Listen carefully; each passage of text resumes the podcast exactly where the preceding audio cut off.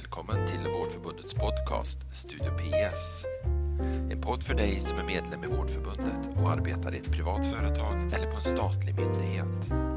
Podden har fokus på din profession, anställning och arbetsliv.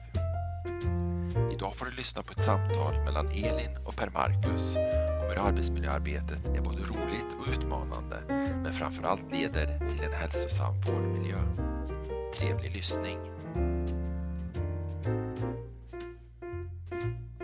Och välkomna till vårt lilla samtal här idag. Vi ska prata om eh, arbetsmiljöarbete och vi ska närmare bestämt prata med eh, skyddsombudet Elin Sjöblom som är skyddsombud och förtroendevald på akutmedicinmottagningen på Sankt Göran, Capio.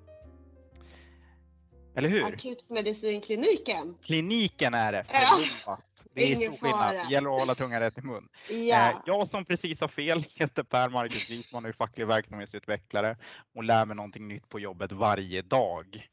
Eh, Jag hoppas att det är detsamma för dig också, Elin. absolut. Ja. Lär man sig någonting nytt som skyddsombud varje dag? Ja, det gör man. Alltså, Bra. ja, att vara både att vara skyddsombud och förtroendevald, det är en ganska eh, stor roll att axla. Eh, och där, man lär sig ju nya saker hela tiden för att man måste.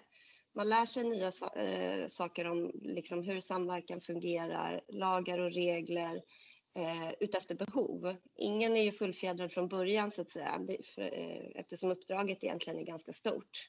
Mm. Så det tycker jag absolut att man gör. Mm. Det låter ju väldigt spännande, men för den oinvigde som eh, lyssnar eller tittar på det här så kanske det låter lite främmande. Så jag tänker vi börjar med det grundläggande. Eh, vad är egentligen ett skyddsombud?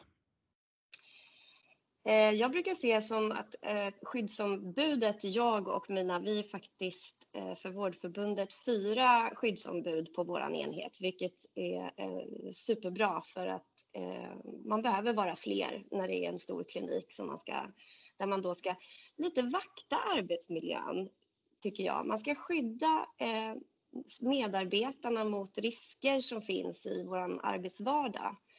Eh, och det kan ju vara massor med olika saker. Det kan vara fysiska risker i form av kablar och snubbel, men det kan också vara den psykosociala arbetsmiljön som vi behöver vakta, framförallt nu när det har varit pandemi och vi har jobbat på min arbetsplats med covid-patienter i eh, över ett år.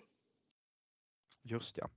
Ehm, och nu kanske någon tänker så här, men vad då? Det där ska väl chefen ändå göra. Så varför behövs den här eh, vakthunden, den som skyddar arbetsmiljön bland arbetstagarna? Därför att det är svårt för, för eh, cheferna att ha liksom koll på precis allting som är och sker och händer på golvet. Och också eh, svårt att fånga upp eh, små saker när det kommer till den psykosociala arbetsmiljön. De har ju det stora ansvaret för eh, vår arbetsmiljö. Men jag har ju också ett ansvar i att uppmärksamma de chefer och ledare på att när saker och ting brister.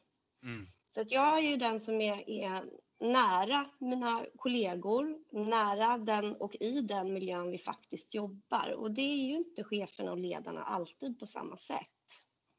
Nej, man är helt enkelt närmare arbetsplatsen och därför bättre lämpad på att fånga upp riskerna som finns. Exakt. Och varför är det då så viktigt att vi jobbar med de här riskerna? För att det inte ska hända någonting. Och också för att man som medarbetare och arbetstagare ska känna sig trygg i den miljön man är. Mm, man behöver känna att man har en person, ett skyddsombud man kan vända sig till eh, och som också då lite grann vakar över de här riskerna som vi kan se och ha koll på stora förändringar som kan påverka medarbetarna och arbetstagarna i det stora hela när det kommer till vårdflöden, covidpatienter, inte covidpatienter, arbetsmängd, eh, stress, oro. Det finns jättemycket saker eh, i det. Mm, mm, spännande. Eh, Du nämnde ju Vårdförbundet lite kort här innan. Eh, Och skyddsombud är ju en separat roll, men som ändå hänger ihop med facket. Vad är egentligen fackets roll i arbetsmiljöarbetet? Alltså det är ju att fackförbundets roll när jag som förtroendevald representerar med, eh, vad ska man säga, medlemmarna då eh, på arbetsplatsen, det är att jag ska föra deras talan och mm. de vill att arbetsplatsen ska fungera.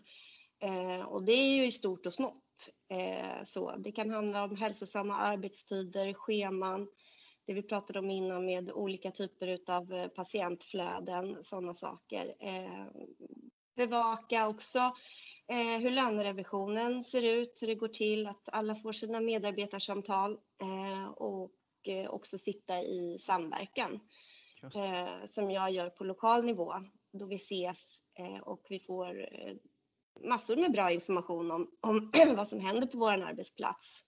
Mm. både med arbetsmiljö, ekonomi, Eh, planering för framtiden, personal eh, och mycket sådana saker.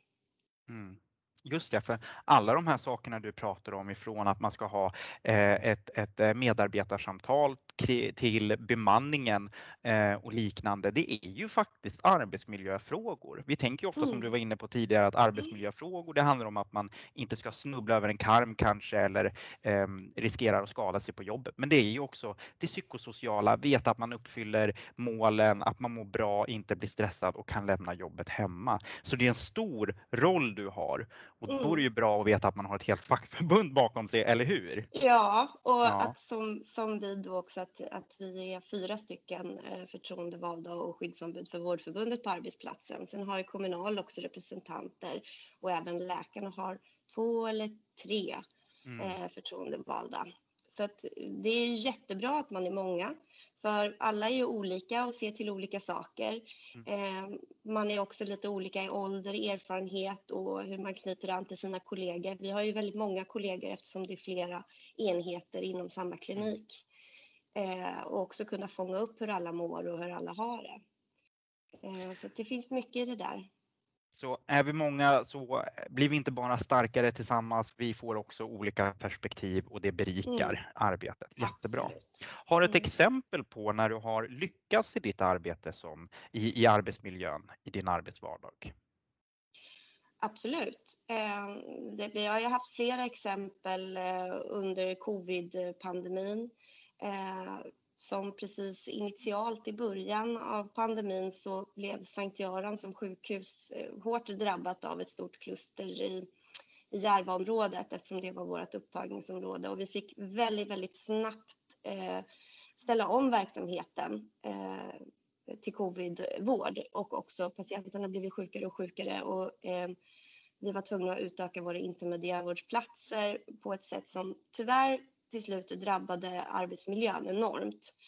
Eh, medarbetarna mådde inte bra och då fick jag och eh, den, den, personen som var förtroendevald och skyddsombud då, vi eh, var ju tvungna att, att larma till cheferna och säga att så här, nej men, vi måste dra i handbromsen här nu, det går inte.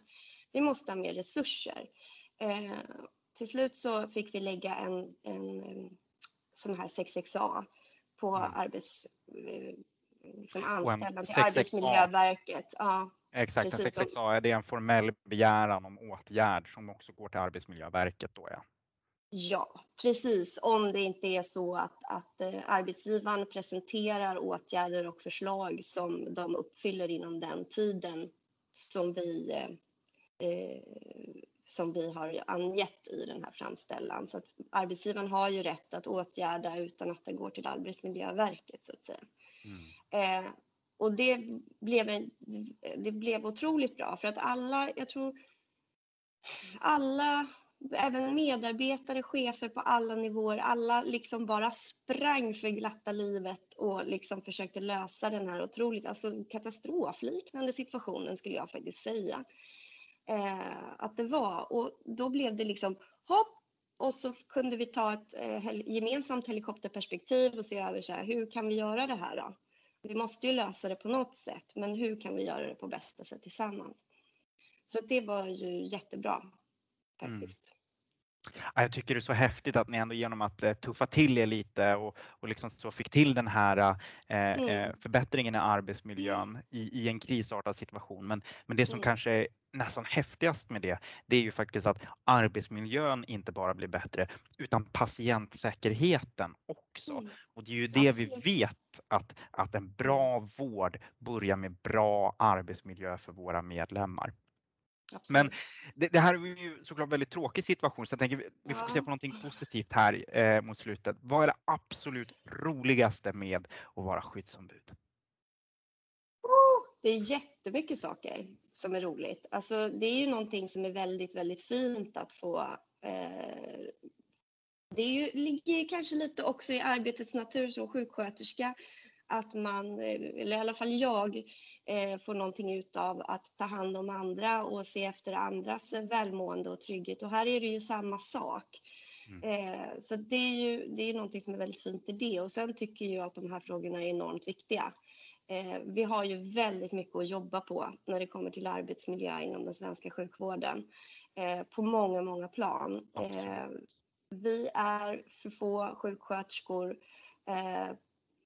vi har för många patienter per sjuksköterska helt enkelt och eh, vi har kanske inte så himla eh, bra scheman med treskift eller bara natt eller sådana saker. Där finns det mycket saker att tänka på när det kommer till hälsosamma arbetstider.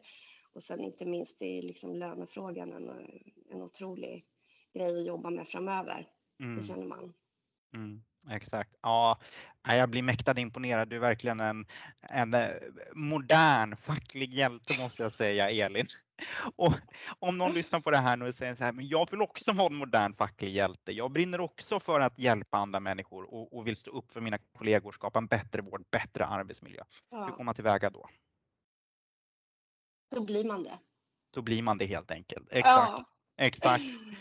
Nej, men ja. det som handlar om att om vill man bli en förtroendevald så måste man ju se till att man har medlemmarna på sin arbetsplats, deras förtroende, så att man får representera dem.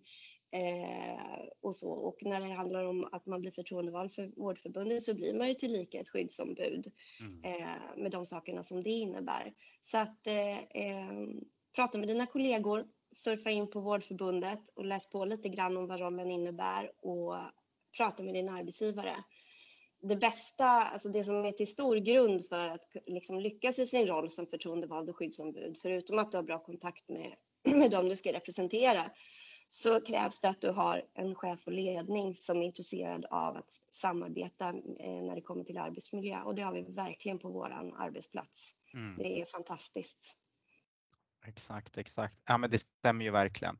Eh, och behöver man hjälp i den processen, då går det jättebra att höra av sig till mig, Per Marcus Risman. Och man hittar mina kontaktuppgifter på vårdförbundet.se, vår hemsida, vårdförbundet.se. Eh, och det går också bra att höra av sig till någon av mina eh, kollegor, eh, Angelica Neville eller Torbjörn Severin. Eh, och vi stödjer en i, i processen. Eh, vi stödjer en i om man har en schysst arbetsgivare som vill samarbeta, men även om det är lite motstånd från arbetsgivaren helt enkelt.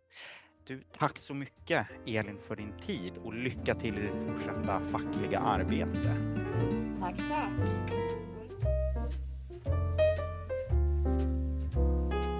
Blir du nyfiken och vill veta mer om hur du engagerar dig i Vårdförbundet? Ta kontakt med Vårdförbundet direkt så visar de vägen till de fackliga verksamhetsutvecklarna. Tack för att du lyssnar på Studio PS och en fortsatt fin